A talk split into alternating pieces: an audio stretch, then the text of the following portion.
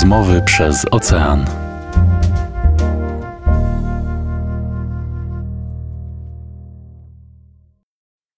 Dzień dobry, witamy serdecznie w kolejnym odcinku podcastu Rozmowy przez Ocean. E, dzisiaj y, naszym gościem jest Artur Owczarski, autor książki Teksas to stan umysłu. Więc jak się domyślacie, będziemy rozmawiać o Teksasie. W tamtym tygodniu byliśmy na Alasce, największym stanie y, Ameryki, Stanów Zjednoczonych. Teraz się przenosimy do drugiego pod względem wielkości, czyli właśnie Teksasu. E, cześć Artur, witaj i dziękuję za, za, za przyjęcie zaproszenia do naszego podcastu. Ślicznie dziękuję, witam serdecznie i e, Teksańczycy dalej uważają, że są największym stanem. Alaska się zdobyła przy okazji. No tak, a ta Alaska się tak zaplątała w 59 roku, przyplątała się do, do Ameryki, więc Teksańczycy... Tam, tam, tam nikt nie mieszka, niedźwiedzie są. No tak, no tak. To Teksańczycy mają swoje zdanie na każdy temat. Z Arturem, e, Artur, tutaj musimy e, opowiedzieć, e, jak się zapoznaliśmy, bo my w tym samym czasie wydaliśmy książkę w tym samym wydawnictwie, to było dwa lata temu, 2000, dwa lata już, 2019 rok, tak jest. Kiedy ty pisałeś o drodze 66, ja pisałam swoją 7 dni w siódmym niebie, byliśmy w jednym wydawnictwie. No w międzyczasie ty tutaj postarałeś się lepiej, napisałeś kolejną książkę, właśnie tę o Teksasie. Nie ma zbyt wielu pozycji na polskim, na polskim rynku właśnie o tym stanie, także E, mam nadzieję, że tutaj nasi słuchacze Twoją książkę kupią, ale powiedz, e, powiedz mi, co Ciebie e, zafascynowało w tym, w tym stanie? Dlaczego, I dlaczego aż tak mocno, że postanowiłeś napisać książkę? Ja, ja, ja lubię w życiu kierować się przeczuciami. Jak jechałem rzeczoną drogą 66 i wjechałem do Teksasu, to coś mnie natchnęło i stwierdziłem, że muszę tam wrócić. I po wydaniu drogi 66 uznałem, że jeżeli mam ochotę pisać kolejną książkę, to na pewno stanę i że będzie to Teksas. Teksas, który, tak jak wspomniałaś, nie jest mocno prezentowany ani w mediach, ani, ani w książkach w Polsce i na świecie.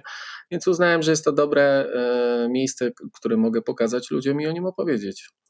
Ciekawe jest to, że Teksas, tak jak powiedzieliśmy, jest drugim co do wielkości Stanów, Stanów Zjednoczonych, jednocześnie jest drugim co do liczebności, dlatego że po Kalifornii, 40-milionowej Kalifornii, drugi jest właśnie Teksas, y, ma 29 milionów mieszkańców. Także ma zaraz w głównym, bo połowa Kalifornii się przeprowadza do Teksasu, więc... No właśnie, poruszyłeś tutaj ciekawy temat. Faktycznie teraz, szczególnie w czasie, w tym roku pandemicznym, mnóstwo ludzi przeprowadza się do Teksasu, nawet Joe Rogan, który jest tutaj takim e, moim ulubionym podcasterem, warto posłuchać jego, jego wywiadów. On również zostawił, y, zostawił Kalifornię, przeprowadził się do Austin, kupił dom nad jeziorem za 14 milionów, no i teraz troszeczkę podmarzł, e, ale, y, ale właśnie... Nie żałuję.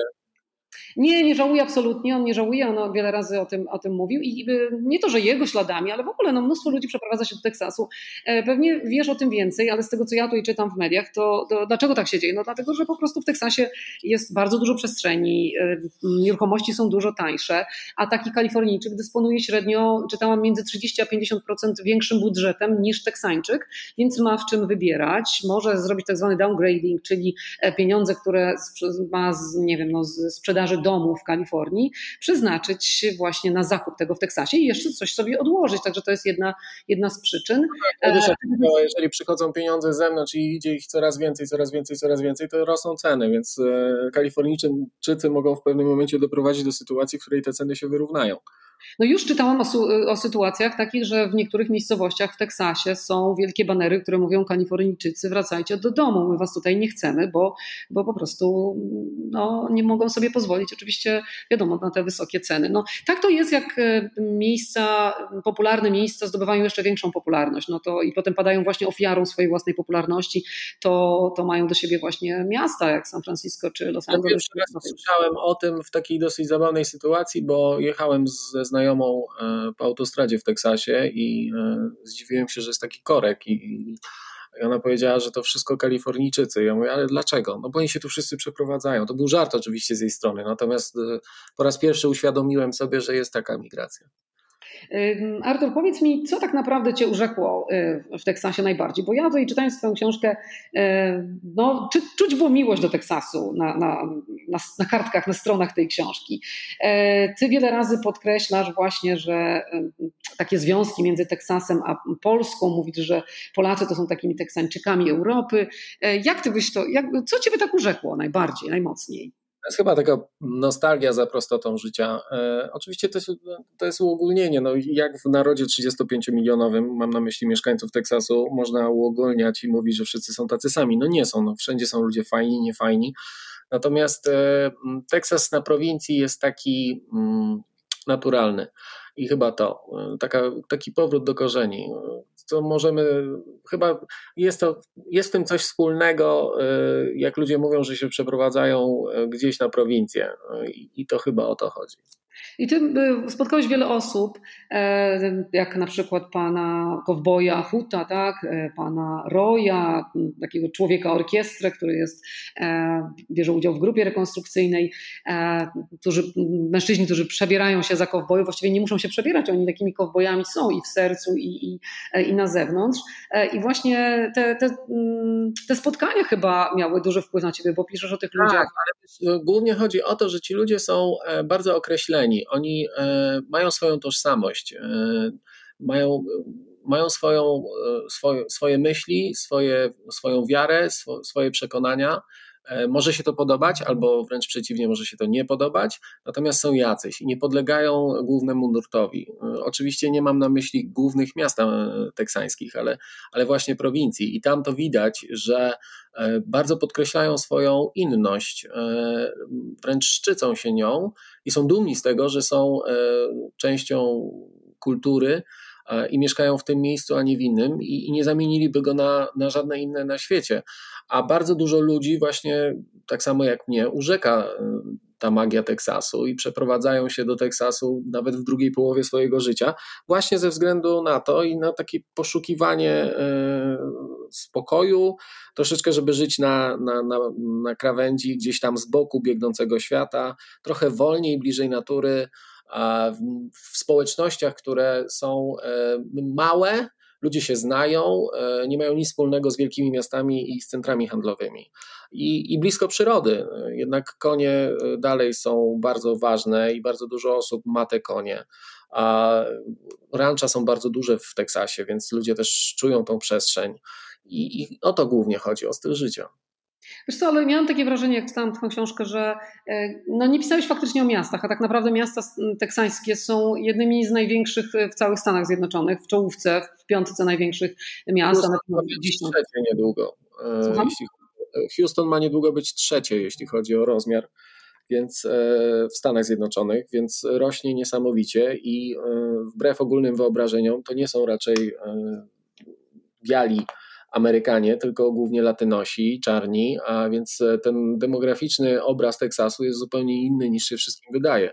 Są bardzo kosmopolityczne miasta teksańskie, a wielokulturowe, więc e, tak, miasta są jakieś, ale e, są inne niż prowincja. Natomiast miasta, no nie oszukujmy się, ale wszędzie na świecie są dosyć podobne. Wszyscy żyją w pędzie, biegają do pracy, jeżdżą po autostradach, chodzą do restauracji. Właśnie prowincja jest wyjątkowa i dlatego na niej się skupiłem. No właśnie, Artur, ja tak e, e, tutaj naprowadziłeś mnie na pytanie, które już sobie przygotowywałam wcześniej, e, bo wydaje mi się, że mógłbyś napisać dokładnie taką samą albo bardzo podobną książkę, gdybyś nawet pisał o Kalifornii. Kwestia, które miejsce byś znalazł, bo tak jak powiedziałeś, miasta są podobne, styl życia w miastach jest podobny i, różnice między Houston a Los Angeles wcale nie są takie wielkie, jakby nam się wydawało, patrząc na te dwa stany, jak dużo, ich, jak dużo je dzieli. Bo w Kalifornii również możemy znaleźć miejsca, gdzie jest bardzo ważna tradycja, gdzie wszyscy ludzie w jednej miejscowości się znają, sobie nawzajem pomagają. Także wystarczy wyjechać troszkę poza miasto i już można by zobaczyć, że to jest po prostu inny stan umysłu. I właśnie wydaje mi się, że Ciebie urzekła bardziej ta prowincja, może, a nie stan, bo na pewno jakbyś pojechał do Wyoming, czy jakbyś pojechał do, do, do Kalifornii, to znalazłbyś to, to samo, to czego szukałeś, czyli tej takiej prostoty, takiego, e, takiej wierności e, sobie, ideałom, tradycjom. Nie sądzisz? Przekonany, że wszędzie i nawet w Polsce i, i w europejskich krajach właśnie są takie miejsca, jak nie wiem, małe włoskie miasteczka, czy, e, czy w Polsce gdzieś w Bieszczadach, czy, czy na Podkarpaciu. Tak, jest, jest tak, tylko że w każdym miejscu na świecie są inne tradycje, ludzie inaczej wyglądają, e, inaczej się zachowują. Akurat Teksas jest taki, jaki, jaki jest. Tak jak mówisz, w Kalifornii też są rancha, e, też ludzie żyją w takich miejscowościach, no ale to jednak nie jest Teksas, tak? No właśnie, no to teraz e, powiedzmy sobie parę słów o tych tradycjach, bo pisałeś o wielu ciekawych, e, ciekawych rzeczach. E, pisałeś właśnie no, o czym? O rodeo, to jest bardzo ciekawe. Które ale... też jest w Kalifornii, prawda? No tak, ale, ale to teksańskie rodeo i te wielkie imprezy, gdzie udział w rodeo biorą nawet małe dzieci. Tutaj opisywałeś kilku takich bohaterów właśnie. To jest niesamowite. To jakieś 20 lat temu ktoś wpadł na pomysł, żeby na imprezie rodeo wsadzić małego dzieciaka na owce. I to mówimy o dzieciach 4-5-letnich a dziecko jest sadzane na owcy i ma, wy, owca wybiega e, z takiego samego boksu, jak dorośli jeżdżą na bykach. I maluch ma się utrzymać na niej jak najdłużej. Niektóre dzieci płaczą, inne strasznie się cieszą, e, jest dużo frajdy. Czyli tak jak u nas, nie wiem, tak jak u nas na, na placu zabaw, czy na gdzieś pod blokiem się dziecko na huśtawce sadza i nie wszystkie, nie wszystkie się cieszą. Tak, byłem świadkiem kiedyś historii, jak moja znajoma wsadziła swojego synka pięcioletniego na owce, znaczy nie ona, tylko ktoś tam z obsługi zawodów i owca zamiast biec przez stadion, e, przez arenę rodeo stwierdziła, że nie ma ochoty i momentalnie wybiegła przez otwarte drzwi ze stadionu i on gdzieś tam zeskoczył z tyłu i przybiegł do mamy z płaczem, że drugi raz nie jedzie, bo ta owca jest e, wredna. Ale powiedz, jakie to jest wrażenie oglądać takie, takie wielkie rodeo, bo mi się od razu tutaj kojarzy, kojarzy scena z, z Borata, e, e, może nie z Borata, tylko z tej drugiej części e, jego, jego programu, czyli Who is America. Nie wiem, czy oglądałeś, jak nie, to polecam. E, I jakie to było dla ciebie wrażenie, jak tam stałeś? Mieszkałaś w Stanach, więc wiesz, jak Amerykanie potrafią robić rozrywkę, tak? I czy, czy jesteśmy w Disney Worldzie gdzieś na Florydzie, czy, czy, czy jesteśmy właśnie na rodeo w Teksasie, czy na koncercie, czy, czy na jakiejkolwiek imprezie masowej, oni to potrafią. Rodeo w Houston, które jest największą tego typu imprezą na świecie, zaczyna się od hymnu śpiewanego przez żołnierza albo policjanta na cały stadion, potem na telebimach lecą e, odrzutowce, potem Amazonka jedzie przez stadion z amerykańską flagą i reflektor e, skupia się światło jego tylko na nią, więc budują napięcie. Potem jest głośna muzyka, jest e, bardzo dużo zbliżeń na gigantycznych telebimach na zawodników i na to, jak e, walczą ze zwierzętami. A więc e, jest to wielkie show, za którym stoją gigantyczne pieniądze i jest to impreza masowa. Co innego w małych miejscowościach, gdzie często w piątek czy w sobotę udział w rodeo biorą rodziny. Najpierw mama objeżdża beczki, tata z synami i z córkami kibicuje, później ojciec z synem łapią e, cielaki na lasso, a najstarszy syn wsiada na mniejsze byki, bo są mniejsze i takie normalne, w normalnym rozmiarze. I jest to impreza rodzinna, na której też oczywiście pojawiają się osoby mające e, za zadanie, znaczy myślące o tym, żeby wygrać i, i jakieś pieniądze zdobyć. Natomiast jest tam dużo sąsiadów, którzy po prostu w ten sposób się bawią, bo z tego wyrosło rodeo. No, Kiedyś e, kowboje stwierdzili, że będą współzawodniczyć i sprawdzą, który z nich jest najlepszy w robocie, którą wykonuje. I tak powstała e, cała idea rodeo. Rozmawiałem z 90-latkiem, który wygrał zawody w banderze w 48 i w 50 roku i on opowiadał mi, że jeszcze nie było areny, e, nie było widowni. Ludzie przyjeżdżali, zatrzymywali się swoimi samochodami wokół stadionu, tak, znaczy stadionu, areny, tak? miejsca gdzie, gdzie, ogrodzonego, gdzie ujeżdżano byki i konie, e, siadali na maskach swoich aut, a, a ich znajomi po prostu ujeżdżali te byki i, i walczyli o chwałę tak naprawdę, bo te pieniądze też wtedy nie były wielkie. No, zdecydowanie zgadzam się, że, że Amerykanie umieją robić widowisko, właściwie nawet naj, najbardziej banalne imprezy potrafią zrobić niesamowite show. Kiedyś byłam na takim pseudo-rodeo na Florydzie, e, organizowane naprawdę jakieś właśnie zawody z, z ganianiem się ze świnką. W ogóle to było, to była, to było miejsce Dolly Parton. E, to, jak reagowali ludzie, to, to było nieprawdopodobne. I to, jak nawet oni by tak nie reagowali, gdyby nie wszyscy ci pomagacze, który, którzy podkręcali nastrój. Także to... Jest zorganizowane. Pamiętam, pamiętam kiedyś e, byłem w SeaWorld e, na Florydzie, w Orlando i e, były pokazy delfinów. Ja, jestem z akrobatów i delfinów w basenie. Jestem sceptyczny co do takich imprez i zazwyczaj wymaga ode mnie dużo wysiłku, żeby, żeby, żeby wziąć w tym udział. No ale byłem z dziećmi, więc poszliśmy pokazać. I w pewnym momencie tak, najpierw e, wyskakiwały z wody delfiny, potem z wysokich trampolin skakali e, pływacy, do tego głośna muzyka. E, budowało to taki nastrój, że sam poczułem, że, że, że porywają mnie tym całym show. I kiedy osiągnąłem już takie apogeum, że wow, ale to jest niesamowite, to nagle zewsząd wyleciały papugi ara wielkie i zaczęły latać nad widownią. Tak, Amerykanie robią rozrywkę. I wskoczyłeś na krzesło i krzyczałeś wow, no to tak Amerykanie... Tak, tak, i klaskałem jak w amerykańskich wakacjach z całą rodzinką i byłem zachwycony. No to powiedz mi w takim razie, jak bawiłeś się, czy podobnie się bawiłeś i podobny entuzjazm czułeś na festiwalu Grzechotników w Teksasie?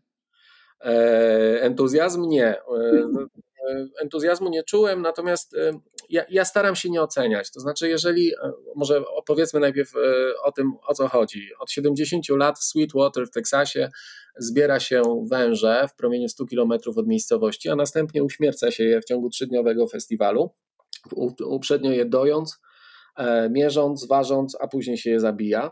No więc ja, ja, staram się nie oceniać. E, jadę tam i, i, i, oczywiście łatwo jest pojechać i powiedzieć e, dużo krwi, dużo E, dużo przemocy, krew e, i, i okrucieństwo. No ale jest to jakaś lokalna tradycja, e, która służy celom charytatywnym, bo oni rzeczywiście zbierają pieniądze na, na, na szczytne cele. Gospodarka lokalna dzięki temu się jakoś tam raz do roku napędza dodatkowo i, i, i trzeba to opisać a już czytelnik jest w stanie podjąć decyzję, czy mu się to podoba, czy chciałby to zobaczyć, czy, czy wręcz to potępia.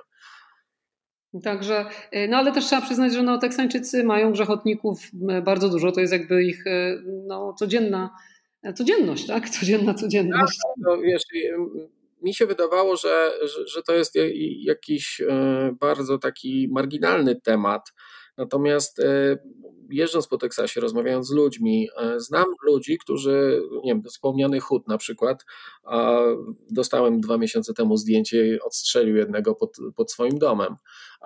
Znam dziennikarkę z radia, e, właśnie ze Sweetwater, która tydzień przed rozmową ze mną jednemu obcięła głowę szpadlem pod, e, na ganku własnego domu. Znam człowieka, który stracił psa. Znam kobietę, która, której ojciec został ugryziony i rodzina do dzisiaj spłaca kredyt, bo leczenie kosztowało 100 tysięcy dolarów. I więc e, to są rzeczy, e, znaczy węże się spotyka, nie ma ich w dużych miastach, ale y, jak jest takie powiedzenie, że w Teksasie jak się idzie na spacer, to się patrzy pod nogi, jak się chcesz rozejrzeć, to się musisz zatrzymać. I, i to jest prawda, bo nawet e, na granicy z Meksykiem jest takie najmniejsze przejście graniczne między Meksykiem a Stanami w Presidio, a mój kolega jest tam um, oficerem Straży Granicznej i mówi, że znajdują węże pod samochodami czekającymi na przejazd przez most, przez granicę. Znajdują węże z tyłu y, budynku oficerów Straży Granicznej, więc y, one są i trzeba się mieć na baczności. Ale przypuszczam, że jest mnóstwo ludzi, którzy żyją w Teksasie i w życiu grzechotnika nie widzieli. No tak, no znowu wracamy do tego, co jest w mieście, co jest e, e, dalej poza miastem, ale wiesz, to nawet nie trzeba daleko szukać, bo ja mieszkając w mieście, w samym Los Angeles, na, na szlaku jak wychodzę pobiegać, to ostatnio też trafiłam na grzechotnika w samym środku miasta, nie wiem, no dwa, dwa kilometry od, od mhm. oceanu, także te grzechotniki... Najważniejsze jest to, żeby się głośno zachowywać i tego węża nie zaskoczyć, bo on nie traktuje nas jako jedzenie. E, tylko się broni. E, mało osób wie, że grzechotniki mają dwie, dwa sposoby na obronę. Ugryzienie jest ostatecznością. Wcześniej strzelają piżmem, które bardzo cuchnie, jak skunksy. I e, te węże, jeżeli nie zostaną zaskoczone, no są niegroźne, no ale jeżeli wąż sobie gdzieś tam leży i nas nie słyszy i nagle na niego wejdziemy, no to on się naturalnie broni i gryzie.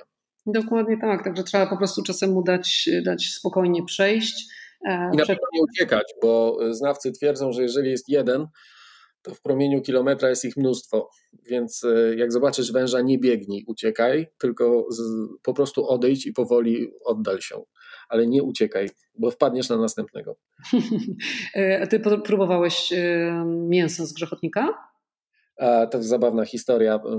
Jak wiesz, w Stanach są cook-offs. Nie wiem, czy w Kalifornii też są? Nie, są, bywają, ale ja nie specjalnie. E, nie, no nie, w każdej małej miejscowości raz w roku przynajmniej jest cook-off, więc jadąc w lato przez Teksas e, trudno nie trafić na cook-off, czyli zawody w gotowaniu i w barbecue. I e, jak byłem na festiwalu Grzechotników, to obok festiwalu odbywały się targi broni i e, właśnie kukow. I były różne rzeczy, kurczaki, steki. E, ja zostałem poproszony jako osoba idąca przez park, jak wiele innych osób, żeby wziąć udział w, w tych zawodach jako sędzia, bo albo na takich zawodach są profesjonalni sędziowie, albo się bierze ludzi z łapanki i oni muszą oceniać, mają oceniać e, potrawy przygotowane przez zawodników. I ja w pełni, pełni nadziei e, bardzo się ucieszyłem, bo myślałem, że spróbuję mnóstwo różnych rodzajów steków, a okazało się akurat, że wtedy, kiedy mnie o to poproszono, miałem do spróbowania 19 rodzajów grzechotników. Powiem Ci szczerze, że nie wiem, czy uda mi się kiedykolwiek w życiu spotkać kogoś, kto spróbował grzechotnika na 19 sposobów. Ale polecasz, czy nie bardzo? Nie. Okay. Natomiast, natomiast wiem, że bardzo polecasz i bardzo ci smakuje e, wołowina amerykańska z amerykańskich byków. Smakuje ci mięso bizona również, bo o tym też sporo piszesz. Także, także to barbecue amerykańskie, nawet przytaczasz tutaj różnicę, na czym polega robienie grilla, a robienie barbecue, że to są dwie różne, odmienne e, sprawy. No i tam się rozpływasz nad tą, nad tą teksańską e, kuchnią. A jest tak, y, są krowy hodowane w wielkich farmach, na wielkich farmach, które, którym podaje się antybiotyki, e, wręcz właściciele wstawiają tam swoje e, byki i krowy do, do hodowli. E, one są tam karmione, a następnie sprzedawane na mięso, ale jest też mnóstwo ranch, gdzie te krowy chodzą wolno i na dużych ogrodzonych terenach po prostu żyją, żyją sobie swobodnie i to mięso jest zupełnie inne. Czyli bardzo smaczne, tak? Bardzo smaczne. Ale widzisz, to jest różnica między Teksasem a Kalifornią. No, widziałem kiedyś takie fajne zdjęcie e, w barze w Teksasie, że tłumacząc na polski, e, to nie jest Kalifornia, nie mamy tutaj niskotłuszczowego jogurtu. No tak, Kalifornia po prostu jest znana ze swoich e, po prostu różnych mód żywieniowych, które potrafi wypromować aż do drugiego wybrzeża, a nawet dalej w świat. No, no, cały świat w tym żyje. Co mówisz? Mówię, że aż do Ulan Bator. Cały świat e, chłonie czasami mody kalifornijskie. Mam Ale to znowu mówimy o tej amerykańskiej umiejętności e, no, no, market, marketingowej, naprawdę no, mistrzostwa marketingowego. Ja Bo... bardzo przesiąkniętym Ameryką. Bardzo wiele mód przychodzi właśnie ze Stanów. E, rozrywkę mamy amerykańską. Ja myślę, że może nie za naszego życia, ale jeszcze 50-100 lat i ten, to się przesunie trochę bardziej w stronę Chin Natomiast e, no już teraz zwróć uwagę, od 10-15 lat mamy coraz więcej kinematografii chińskiej, e, więc e, te wpływy najsilniejszego kraju na świecie są coraz silniejsze. E, Ameryka w tej chwili wiedzie prem, e, z czasem to się pewnie zmieni, natomiast no, żyjemy w kulturze amerykańskiej zdecydowanie. No, zdecydowanie pomaga w tym e, Hollywood i to, jak jest postrzegana Ameryka, jest właśnie bardzo często kształtowane przez, przez filmy, mniej przez prawdziwe, prawdziwe oblicze, no bo ciężko jest napisać o całej Ameryce jako o czymś, o jednym tworze, bo to jest po prostu tak różnorodny kraj. I nawet wiesz, tutaj mi się spodobało, że ty w swojej książce też tłumaczysz takie, takie rzeczy właśnie, że to, co jest pokazywane przez Hollywood, nie do końca jest prawdą. To, że na przykład nam się wydaje, że cowboy to jest zawsze y, biały człowiek, a tak naprawdę w 1865 roku jedna trzecia cowboyów to byli, e, to byli mm, ludzie, którzy przeprowadzili się z Meksyku, którzy wtedy tak. wiadomo, ta historia też. Nie tylko Meksykanie, ale też czarni. Tak, no właśnie, ja nie wiem, czy w Hollywood kiedykolwiek ktoś widział czarnego kowboja, ale Ameryka Południowa szczególnie, w sensie południowe Stany Ameryki to były zamieszkane przez czarnoskórych, oni oczywiście po wojnie secesyjnej wszyscy przez, przez no, bardzo surowe e, prawa Jima Crowa, tak nie surowe, ale bardzo niesprawiedliwe, oni się przenosili i uciekali przed Ku Klux Klanem i wieloma innymi e, naprawdę trudnymi momentami w życiu na północ, ale przecież mieszkali na południu, jak mieszkali na południu, no to żyli na ranczach, to przecież brali, e, brali udział. E, w takim normalnym, codziennym życiu, więc byli też kowbojami, a Hollywood raczej to pominął. Pominął. Jeszcze powiem, wracając do barbecue, dlaczego się tak rozpływałem nad tym, dlatego że stereotyp kuchni amerykańskiej w Polsce jest taki, że to są fast foody, to znaczy, no, no bo większość tych restauracji e, szybkiego jedzenia e, pochodzi, to są sieci amerykańskie i w ten sposób wytworzyła się wizja kuchni amerykańskiej, która jest niezdrowa i podana na szybko. A to nieprawda, bo tak jak mówisz, ci ludzie, którzy się przeprowadzali z Meksyku, e, niewolnicy afrykańscy, Francuzi, Hiszpanie, oni wszyscy przyjeżdżali do Stanów, osiedlali się i przynosili własną kulturę, więc e, szczególnie na południu Stanów Zjednoczonych, tu nie mówię o Teksasie, ale też o Luizjanie, i, i w innych Stanach Południowych, ta kuchnia ma tak dużo naleciałości e, z całego świata, jest bardzo bogata. Tak naprawdę no, przejedziesz 500-1000 kilometrów i masz już inne specjały i tak więc naleciałości w kuchni amerykańskiej są z całego świata i e, tak jak m, na przykład paella jest w Hiszpanii, tak w Luizjanie mamy jambalaya, która też jest e, potrawą z ryżu i z tego, co może nam dało i, i, i z mięsa, które mieliśmy pod ręką i warzyw, czyli wielka mieszanka na ryżu zrobiona na ostro. Więc Stany mają bardzo bogatą kuchnię i, i to chciałbym odczarować. A tak, to zdecydowanie. Właśnie wspomniana Louisiana ma, ma, niesamowitą kuchnię, bardzo dobrą, ale to możemy przeskakiwać właśnie między barbecue i, i bardzo dobrymi stykami po, nie wiem, na przykład Napa Valley i takie y, restauracje z ogródka na stół, czyli wszystko bardzo organiczne, świeże, w małych, e, bardzo takich e, porcyjkach. Także absolutnie też, ta, ten wizerunek kuchni amerykańskiej jest, jest fałszywy y, w Polsce, bo ona, ona jest, tak jak mówisz, bardzo, bardzo e, różnorodna i na szczęście nie ma. Jechałem przez drogę 66, czyli e, nie, nie, nie, bywałem zazwyczaj w dużych miastach i nie stołowałem się w dobrych restauracjach, tylko takich przy drodze. I tam jest rzeczywiście ciężko znaleźć coś innego niż coś w panierce. A więc Ameryka karmi przy drogach e, swoich obywateli raczej niskiej jakości kuchnią. U nas jadąc e, gdziekolwiek, oczywiście, jeżeli zjedziemy z autostrady, no to możemy zjeść różne rzeczy. Tam tam jest panierka wszędzie.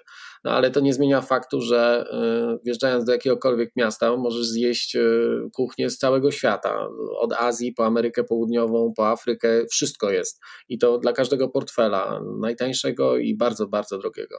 Tak, zdecydowanie, zdecydowanie karmią y, bardzo źle i ja się z tym borykam bardzo często z moimi grupami, z turystami, którzy, którym się właśnie wydaje, że zjedziemy z trasy i, i coś się znajdzie fajnego, dobrego, albo dobra kawa. No niestety nie znajdzie się, można jechać setki kilometrów, dopóki nie dojedzie się do następnego miasta, nawet między Los Angeles a Las Vegas na trasie, bardzo ciężko jest coś dobrego zjeść poza e, sieciówkami z, z fast foodem. Ale jak się już dojedzie do miasta, to tak jak, tak jak mówisz, tak jak, no, jak wiemy, jest po prostu ogromna różnorodność. Ale wiesz, co mnie najbardziej urzeka? Czasami takie momenty, jak e, ja raz w Utah pamiętam w miejscowości Kanab, taka mała urocza miejscowość zwana Małe Hollywood e, i też tam się wybraliśmy kiedyś na, na steka do, do restauracji, ja się takiej typowej, kowbojskiej, amerykańskiej restauracji i właśnie obsługiwał nas właściciel, kowboj i on zaczął nam opowiadać o wyszukanej kuchni, o najlepszym serze, o najlepszy, na, najlepszej mozzarelli, z czym on to łączy, o najlepszych winach. To jest coś, co, czego może nie oczekujesz, e, a, a po prostu cię zaskakuje i to jest, i to jest bardzo sympatyczne. Także nie, nie,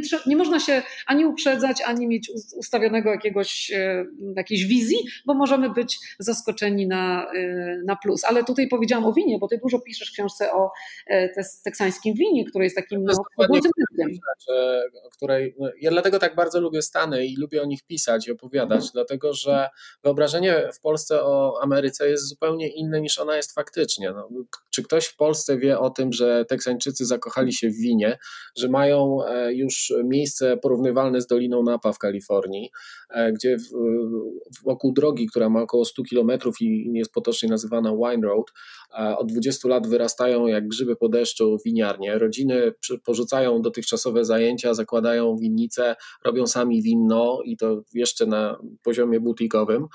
Nie wyszli z tym winem jeszcze poza Teksas. E, Teksańczycy kupują e, wystarczająco dużo. 35-milionowy e, naród teksański sam spożywa swoje wino, więc oni jeszcze muszą parę lat po, popracować, żeby być w stanie wyprodukować takiej ilości jak inne, jak na pewno Kalifornii szybko nie dogonią bo w Kalifornii się robi 95% y, amerykańskiego wina.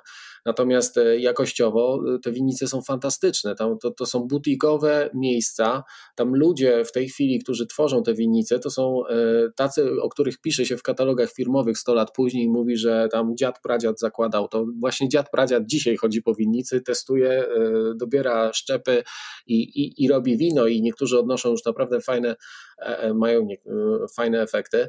Jest też taka kultura mm, przywiązywania e, fanów danej winiarni do, do siebie. Na przykład e, byłem w winnicy, w której zbiera się wino e, przy pomocy fanów marki. Ogłasza się, że właśnie nastał ten dzień, jutro zbieramy, przyjeżdżajcie. I zjeżdżają się ludzie z różnych miejsc, o piątej nad ranem wychodzą i, i zbierają winogrona, a w zamian mają butelkę wina. Więc jest to, jest to urokliwe. Tak, to jest taki typowy marketingowy. marketingowy tak. e, Ale on działa, ja bym się sam na to pojechał. No oczywiście, to się nazywa, to się nazywa building community, czyli musisz zbudować sobie taką społeczność wokół jakiegoś, jakiegoś, jakiegoś produktu, jakiejś tak, Zgadzam, słuchaj, chętnie pojadę i będę zbierał to wino. No oczywiście. Ja, I fascynujące jest to, że, że właśnie tak jak mówisz, na Twoich oczach buduje się, buduje się coś niesamowitego. Bo przecież w tej Napa Valley, tutaj w, na północy Kalifornii, to też się kiedyś musiało zacząć. To też musiał być pasjonat, jeden ktoś, kto, kto, kto, kto to kocha, albo kto przywiózł taki pomysł z Europy.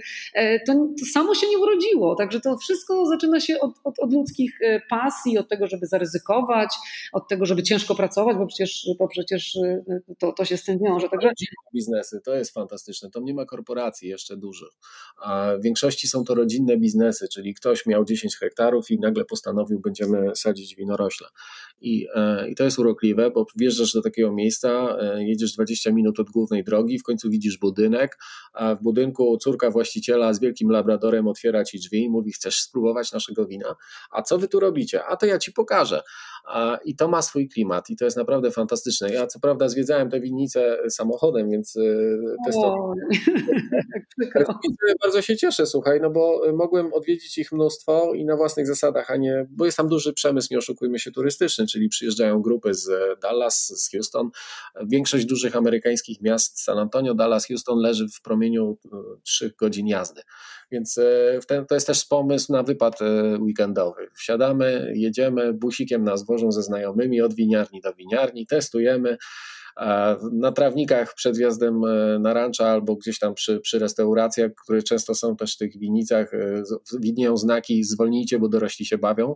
I taki żółty znak z czarną postacią kobiety i mężczyzny trzymających butelki biegnących, więc mają, mają tam też grubą turystykę taką winną i z tego też żyją, nie z samej sprzedaży wina. I e, podobno e, już właśnie dorośli, jeśli chodzi o turystykę winną, e, przeskakują powoli napę, w której przecież nawet są restauracje Michelin, gdzie jak pojedziesz oglądać winnicę, możesz zjeść na takim poziomie.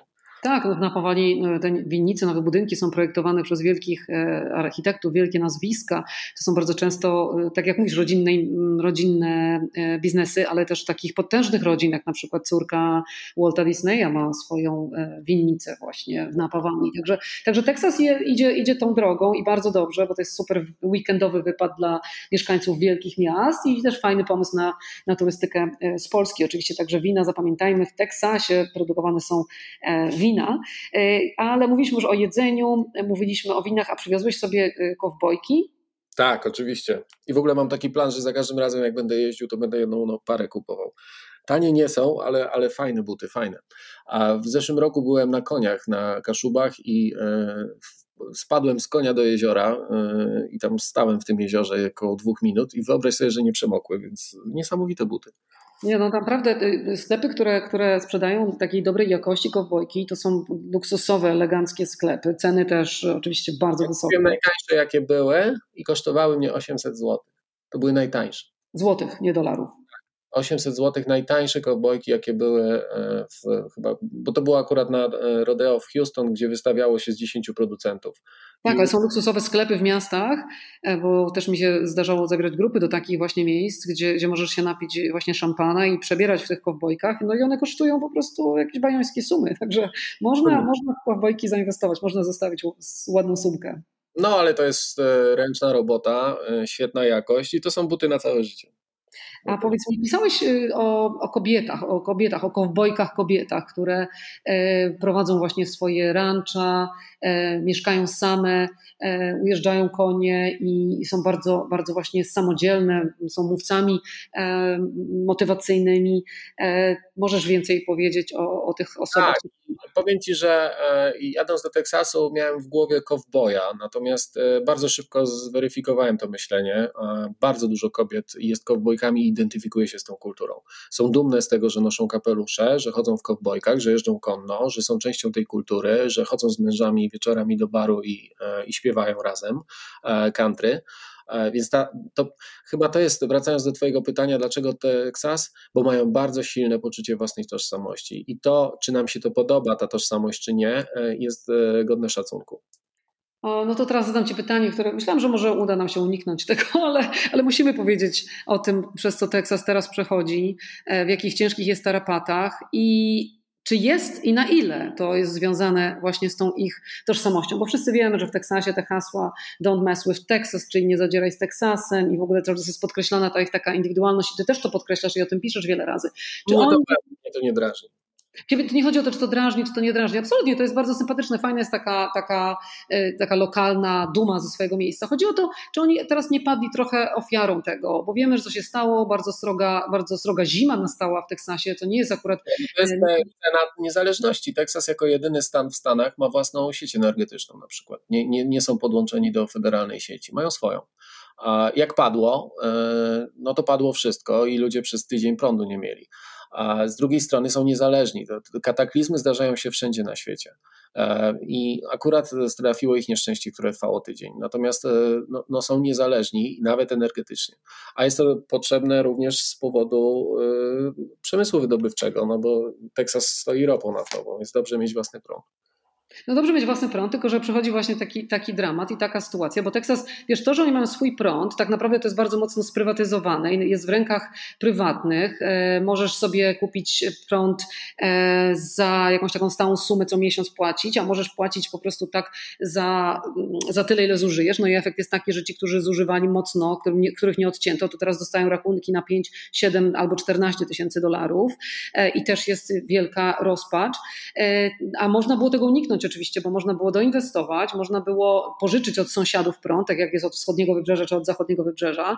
E, tak naprawdę tutaj e, mm, nie wiem, czy wiesz, ale Rick Perry, czyli e, były gubernator Teksasu, powiedział, że Teksańczycy są tak dumni i tak bardzo cenią niezależność, że oni są w stanie zamazać jeszcze przez wiele dni, żeby tylko być niezależnym od rządu federalnego, któremu nie ufają, a jednocześnie... Nie wiem, to jest fajna wypowiedź, bo raczej fajną nie jest, natomiast no, jest to wypowiedź jednego człowieka.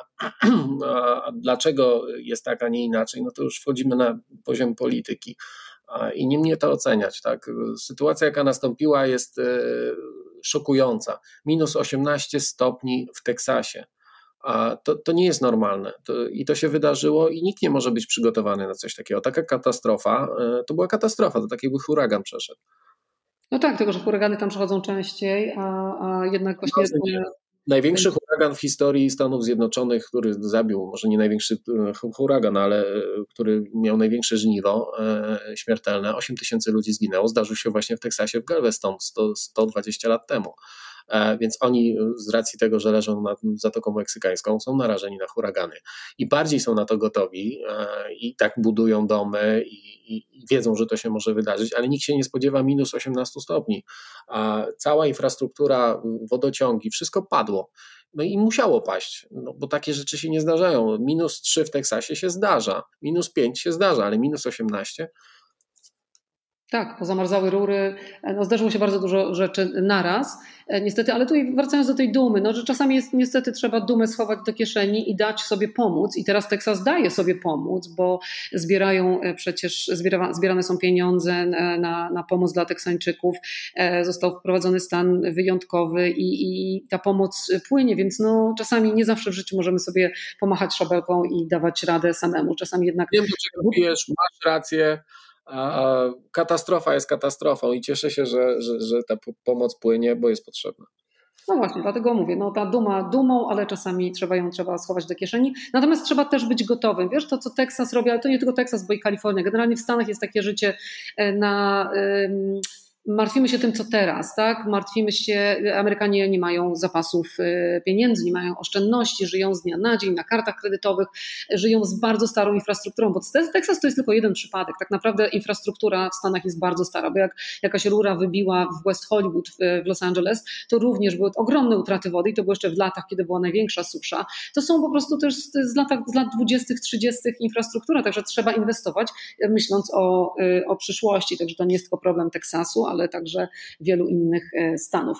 Ale przejdźmy do, twoich, do Twojej podróży po Teksasie, dlatego że ona się skończyła no nie tylko tym napisaniem książki, ale również tym, że zostałeś honorowym obywatelem miasta Bandera. Także gratulacje ogromne. Ślicznie dziękuję. Czujesz się wyróżniony? czuję się związany i czuję się odpowiedzialny. E, moje drugie miejsce na ziemi. Bardzo lubię to miejsce. A ile razy byłeś? Ile razy odwiedziłeś Banderę? Ja tam wracałem non-stop, czyli jeżdżąc e, po Teksasie, tak naprawdę wracałem jak asteroida e, raz na kilka dni. Kiedyś spędziłem tam tydzień, w ogóle siedząc cały czas w mieście i rozmawiając z ludźmi. No i teraz znowu się wybieram ale taką twoją dobrą e, duszą, takim duszkiem tam e, jest pani Eleonora, o której dużo piszesz, która się stała twoją przyjaciółką, która jest taką bardzo, bardzo aktywną e, kobietą w, lokalnej społeczności, ma bardzo dużo osiągnięcia. A w zeszłym roku umarła i już jej z nami nie ma. Natomiast tak, otworzyła mi bardzo dużo drzwi i zadedykowałem jej książkę. To był niesamowity człowiek. E, żona pilota amerykańskiego, który walczył w Wietnamie, w Korei, e, stacjonowała z nim w Niemczech, w Kalifornii a później udzielała się e, bardzo charytatywnie na rzecz Bandery, to ona spowodowała, że Bandera została przez Kongres Amerykański mm, tytułowana oficjalnym tytułem Światowej Stolicy Kowbojów i bardzo na przykład ona doprowadziła do tego, że Strzelce Opolskie są e, miastem siostrzanym Bandery, więc bardzo dużo zrobiła dla lokalnej społeczności, a przez e, moją znajomość z nią e, otworzyły się, otworzyło się bardzo wiele drzwi dla mnie a pomieszkiwałem też u niej w domu, mówiła o mnie, że jestem jej polskim synem, a ja, że ona jest moją teksańską mamą, mimo tego, że raczej babcią powinna być, bo jej córki są w wieku mojej mamy, więc a, była niesamowita osoba. No to fajnie, to bardzo, bardzo, bardzo sympatyczne, yy, bardzo sympatyczna znajomość, taka, która zostaje w sercu na długo. No i, no i gratulacje jeszcze raz. Honorowy obywatel miasta, który jest światową stolicą kowbojów, oficjalną światową e, stolicą kowbojów. Także no te, musisz zainwestować naprawdę w droższe kowbojki teraz. Nie wypada ci chodzić. to jest niesamowite. Druga najstarsza polska osada w USA jest światową stolicą kowbojów. Tak, bo tutaj te względy, tutaj te, te, te polskie korzenie, tak? Ma Bandera bardzo, bardzo wyraźne. Najstarsza jest Panna Maria i Ślązacy też Teksas, niedaleko Bandery zresztą, a Bandera była druga. Część e, osiedleńców z Podopola, z Rozmierza dokładnie, e, przyjechała do Panny Marii, ściągnięta przez księdza Moczy Gębę i, i po paru latach e, po prostu się przenieśli, bo, bo chcieli mieszkać gdzieś indziej i zaś, e, zasiedlili miejscowość mormońską Bandera. Mormoni się później wy, wyprowadzili a, i, i, to byli Polacy, 16 rodzin. E, tam dzisiaj stoi najstarszy polski kościół w Stanach, e, świętego Stanisława. Jest tablica z nazwiskami polskich osadników. Są napisy w knajpach żartobliwe pod tytułem Keep Bandera Polish gra słów e, i, i, i tam każdy, każdego jest w jakimś stopniu kuzynem, więc e, ta świadomość tego, że są e, pochodzenia polskiego. Zresztą wiesz, że większość Amerykanów doszukuje się swoich korzeni. I jak zapytasz kogoś, skąd pochodzi jego rodzina, to większość z nich wie. Moi przyjechali z Meksyku, moi z Francji, a, a banderze wszyscy mówią, a moi z Polski. to naprawdę ciekawe, ciekawe miasteczko. E, powiedz mi, e, Artur, jeszcze pisałeś o bizonach. Wiadomo, że bizony w Stanach zostały praktycznie całkowicie wybite. Zostało tylko bodajże ile 6 stad na wolności. Jak ktoś zwiedzał Yellowstone, to na pewno bizony spotkał. E, ale, ale bizony też można hodować na, na, na mięso, tak? I ty w takich miejscach, na takich farmach byłeś, tak? Na takich ranczach.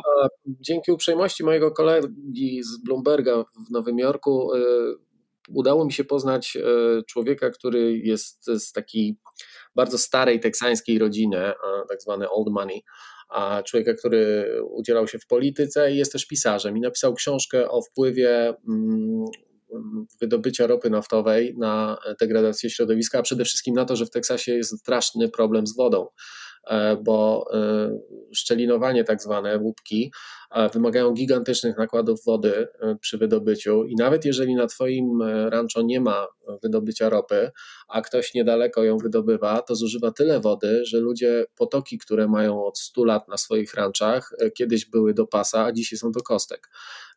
I ten człowiek wpadł kiedyś na pomysł, on 5000 hektarów ma, że będzie hodował bizony i hoduje je w sposób bardzo naturalny. Teren jest ogrodzony, sprowadził e, kilka sztuk, przyjechały ciężarówkami. Stado mu się rozrosło do 300 sztuk i odstrzeliwuje co roku około 50 e, sztuk, a bizony przez cały rok żyją wolne. Do tego stopnia, że jak przychodzi czas odstrzału, to oni muszą śledzić to stado, szukają śladów, muszą do niego dojechać, e, nie wożą ich do rzeźni, strzelają do nich na miejscu a potem jest to duża operacja logistyczna, no bo trzeba wziąć jakiś dźwig, jakieś ciężarówki, wywieźć to mięso. Mięso jest wykorzystywane e, całkowicie, to znaczy jest sprzedawane głównie do restauracji, a skóry y, są szyte z tego różne produkty. Czaszki sprzedają albo wręczają Indianom do obrzędów, e, więc e, jest to bardzo oryginalny pomysł na biznes, ale mm, człowiek, z którym rozmawiałem, e, uważał, że robi że, że, że, sprowadził zwierzęta na ziemię, w której ostatnio były widziane 150 lat temu i że to jest jego dziedzictwo. No, prawda niesamowite, bo to, co się stało faktycznie w Stanach z, z, z bizonami, to jest smutna. Ludzie strzelali do nich e, z pociągów jadąc dla rozrywki, więc e, tysiącami były zabijane. A w, były stada wielkości 80 kilometrów. To wyobraź sobie, że jedziesz na koniu w tamtych czasach i 80 e, kilometrów musisz przejechać, żeby minąć stado. Ja niedawno byłem w Afryce i widziałem wielką migrację gnu a tam jest ich kilka milionów. E, bizonów było chyba więcej, no bo 80 kilometrów stado i były e, w momencie wynalezienia broni maszynowej były zabijane masowo, aż do wyginięcia. To była tragiczna sprawa również. największa, największa, największy przykład wyniszczenia gatunku przez człowieka w najkrótszym czasie i na największą skalę. No i to się przyczyniło również do ogromnej tragedii e, ludności e, tubylczej, czyli Indian, którzy tak naprawdę stracili, stracili e, źródło jedzenia i którzy, no, jak wiemy, Cała sytuacja Indian w Stanach Zjednoczonych, o tym mamy nagrać kolejny, jeden z kolejnych podcastów, jest, jest, no, jest słaba i mm, historia była naprawdę bardzo krwawa. Dlatego tutaj jedna rzecz w swojej książce mnie tak powiem Ci, trochę mnie ukuło i tutaj muszę Ci zadać to pytanie, bo tu powiedziałeś, że Teksańczycy są właśnie tacy dumni, tak dbają o, e, o, swój, o swój stan, o swoją ziemię, że tak jak Wołodyjowski bronił przed Tatarami, e, tak oni, Texas Rangers, bronili e, ziemi przed Indianami. Czy to tak naprawdę, to Hollywood chyba trochę tak wykreował, co? Bo to nie, nie końca... ja, ja, ja, nie powiedziałem, że Texas, Texas Rangers to są, e, oni mają bardzo skomplikowaną historię. Tam było mnóstwo dobrych ludzi, było mnóstwo mordów i mnóstwo przykładów e, bardzo niepozytywnych. Krew się lała gęsto. Ja miałem na myśli to, że e, wizerunek amerykańskiego kowboja, czyli człowieka, który przez dwa tygodnie jedzie na koniu przez otwarte przestrzenie, jest e, alegorią naszego Wołodyjowskiego, który bronił kresów, ale nie miałem na myśli Texas Rangers. Może Texas Rangers też byli na posterunku, a, i tak jak my walczyliśmy z Tatarami, tak oni na rubieżach e, walczyli z Indianami. No ale jednak e, Tatarzy to było wielkie państwo i cywilizacja, a Indianie byli przegrani e, w tych starciach. I, ale oni, oni, oni oni pilno w założeniu, tak naprawdę Texas Rangers zostało powołane przez pana Austina, który nie, nie, nieformalnie powołał takie jednostki, aby broniły osadników przed Indianami, ale to też dotyczyło Meksykanów, oni też brali udział w wojnie secesyjnej, potem zostali rozwiązani, potem znowu zawiązani. No w tej chwili funkcjonuje jednostka Texas Rangers, jest ich tam kilkuset i zajmują się najbardziej e, skomplikowanymi przestępstwami, czyli e, seryjni mordercy, fałszerstwa. E, to są takie bardzo poważne, poważne przestępstwa i, i, i być Texas Rangers to jest wielki zaszczyt i trzeba naprawdę odsłużyć mnóstwo w policji, żeby w ogóle móc aplikować. Mhm. Bardziej chodziło mi tutaj też, y, tak, no, ciekawie to wytłumaczyłeś, ale chodziło mi to bardziej też o to, że e, to Indianie byli na swoim terenie, to oni zostali y, napadnięci, to im zabito jedzenie, to ich przeganiano. E, Oczywiście, tak. Ale wiesz, zauważyłem, że mm, przynajmniej z ludźmi, z którymi ja rozmawiałem, Indianie mają, e, nie wiem, Ciekawy jestem, jaki ty masz na ten temat, jakie ty masz zdanie, bo mieszkałaś w Stanach i pewnie takie rozmowy. Ale e, jak to jest? Bo ja się spotykałem z dużym szacunkiem. To znaczy, a ludzie, z którymi rozmawiałem w Teksasie na temat Indian, e, i to czasami się tam prze, e, przewijało w rozmowach, i szanują Indian jako bardzo wojowniczy i dumny naród. I raczej taki wydźwięk a w dzisiejszych czasach e, ja przynajmniej napotkałem w Teksasie. Nie wiem, jak jest w innych częściach Stanów. No, I tak jak mówisz, że sytuacja jest słaba, natomiast e, ja zawsze czułem jakiś taki szacunek. No, tak jak mówisz, wojowni, wojowniczy i e, I dumny, ale jednak przegrany, tak? No bo, bo statystyki są po prostu nieubłagane. Indianie zostali.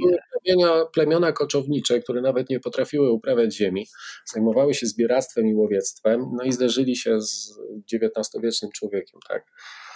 Już no. mówię, kiedy wymyślili, biali wymyślili rewolwer. Zostawmy te trudne tematy, a przejdźmy do czegoś e, e, śmieszniejszego, bo tak naprawdę e, nigdy nie słyszałam wcześniej o chicken shit bingo, także dziękuję bardzo. Naprawdę? Jak pierwszy raz wszedłem do baru w Teksasie, Eleven Street Bar, znaczy w Banderze, to zobaczyłem biegające między stolikami kurczaki i, i sąsiadów którzy je łapali, żeby nie przeszkadzały. I później, jak szedłem do toalety, zobaczyłem wielką klatkę, w której e, dwa kuraki były zamknięte, a na podłodze tej klatki były cyferki. I zapytałem kogoś, e, o co chodzi. A oni mówią, że to jest chicken shit bingo i tak naprawdę ono jest nielegalne, bo to jest hazard. Chodzi o to, żeby wsadzić kurę do klatki i e, tam, gdzie kura zostawi kupę na tym numerku, ten numerek wygrywa. I y, to jest hazard, więc y, właściciele barów raczej nie mogą tego oficjalnie organizować. Zazwyczaj jest to oddolna inicjatywa sąsiadów, którzy mają klatkę kurczaka i bawią się między sobą, ale jest jedno miejsce w Austin, które się nazywa, mieni stolicą Chicken Shit Bingo. Jest to mały bar, gdzie co niedziela można to zaobserwować i tam ludzie przyjeżdżają. Tam są nieduże nagrody, tam się kupuje karnety, maksymalnie można wygrać 300 dolarów i, i co tydzień jest impreza Chicken Shit Bingo. No widzisz, no i byłam parę razy w Austin właśnie między innymi na Formule 1, ale nie, nie, nie wiedziałam, że można po prostu na, zabawić się w Austin tak jak, jak w Las Vegas. Jak kiedyś w Austin, to jedź do Longhorn Bar, to jest bar y, bardzo mały, na jakimś parkingu w centrum, na obrzeżach miasta, ale jednak bardzo takim betonowym y, otoczeniu, a wchodzisz do środka i masz wrażenie, że wyjechałaś 100 kilometrów poza miasto. No i domyślam się, że z tą amerykańską umiejętnością e, podburzania, nie podburzania, tylko takiego wzniecania takich nastrojów entuzjastycznych, to, to nawet można się podekscytować takim, takim bingo z kurczakiem. Tak, to jest zabawne. No, ludzie się naprawdę świetnie bawią, tu przychodzą w każdym wieku, siedzą na parkingu na leżakach, raz dzieciaki, raz na jakiś czas jest wezwanie, że będzie kolejne losowanie, przy, ktoś przyprowadza kurę, zamyka w klatce, wszyscy się ekscytują, bo każdy obstawił jakiś numerek. Taka forma teksańskiej zabawy. A Teksańczycy potrafią się bawić, e, ba, e, głównie e, przy muzyce, przy muzyce country, bo pewnie jak przejechałeś tyle kilometrów, to wiesz, że ciężko znaleźć w radiu inny gatunek muzyczny, także country króluje, prawda? Tak, króluje i, e, i ma to swój klimat. Wiesz, jak przyjeżdżasz z Polski i szukasz e, tego, co jest charakterystyczne dla danego miejsca, to, to mm, wsiąkasz w ten, w ten klimat i szukasz tego country. I wiesz, ja mam takie, takie swoje tutaj prywatne, prywatną sympatię do muzyki country, szczególnie do pana, który się nazywa George Strait. To jest taki słynny, no już taka muzyk historia, dlatego że mam, mam wrażenie, że po prostu moje miejsce na ziemi, czyli Los Angeles, Marina del Rey, e, o której on właśnie śpiewał w swojej, w swojej piosence. Śpiewał o kowboju, który przyjechał do Kalifornii, przyjechał do Mariny, zakochał się, te zachody słońca i zakochał się w dziewczynie, zakochał się w, w miejscu e, i potem taki smutny wsiada na, na samolot i odlatuje. Co prawda nie do Teksasu, mimo że George Strait był z Teksasu, ale do Wyoming bodajże. Mm. Do, czy do Tennessee, przepraszam, on do Tennessee odlatuje. Także ja, jak się przeprowadziłam do Mariny, to naprawdę tej piosenki słuchałam jakoś non-stop, że dzisiaj. Nie wiem, czy wiesz, ale George Strait razem z Willie Nelsonem mają e, stadninę koni. E, I to są konie nietypowe, ponieważ to są konie hodowane na rodeo, dla zawodników rodeo. Najdroższe i najlepiej wyszkolone. Jeżeli jesteś świetnym miejscem, a, i e, bierzesz udział na przykład w łapaniu byków, e, cielaków na lasso, to możesz od nich wypożyczyć takiego konia. No widzisz, nie wiedziałam, także człowiek uczy się całe życie. Dziękuję Ci ślicznie Artur, powiedziałeś nam tutaj sporo o, o Teksasie, a powiedz jaki jest następny plan, następna książka, następna podróż do Stanów Zjednoczonych, co to będzie? Louisiana, stąd ta jambalaya dzisiaj się wzięła w naszej A, to było takie podprogowe. Tak, tak, tak. Już żyję tym, czytam, e, dzwonię, umawiam spotkania, przygotowuję się i, i lipiec Louisiana. Brawo, także następnym razem, jak się spotkamy w podcaście, to porozmawiamy sobie o e, Luizjanie. Także życzę Ci powodzenia, dziękuję ślicznie za naszą rozmowę i do usłyszenia gdzieś na szlaku. No i czekam z kawą e, na Los Angeles. Mam nadzieję. Mam za sobą. Dziękuję bardzo, do usłyszenia. Dziękuję.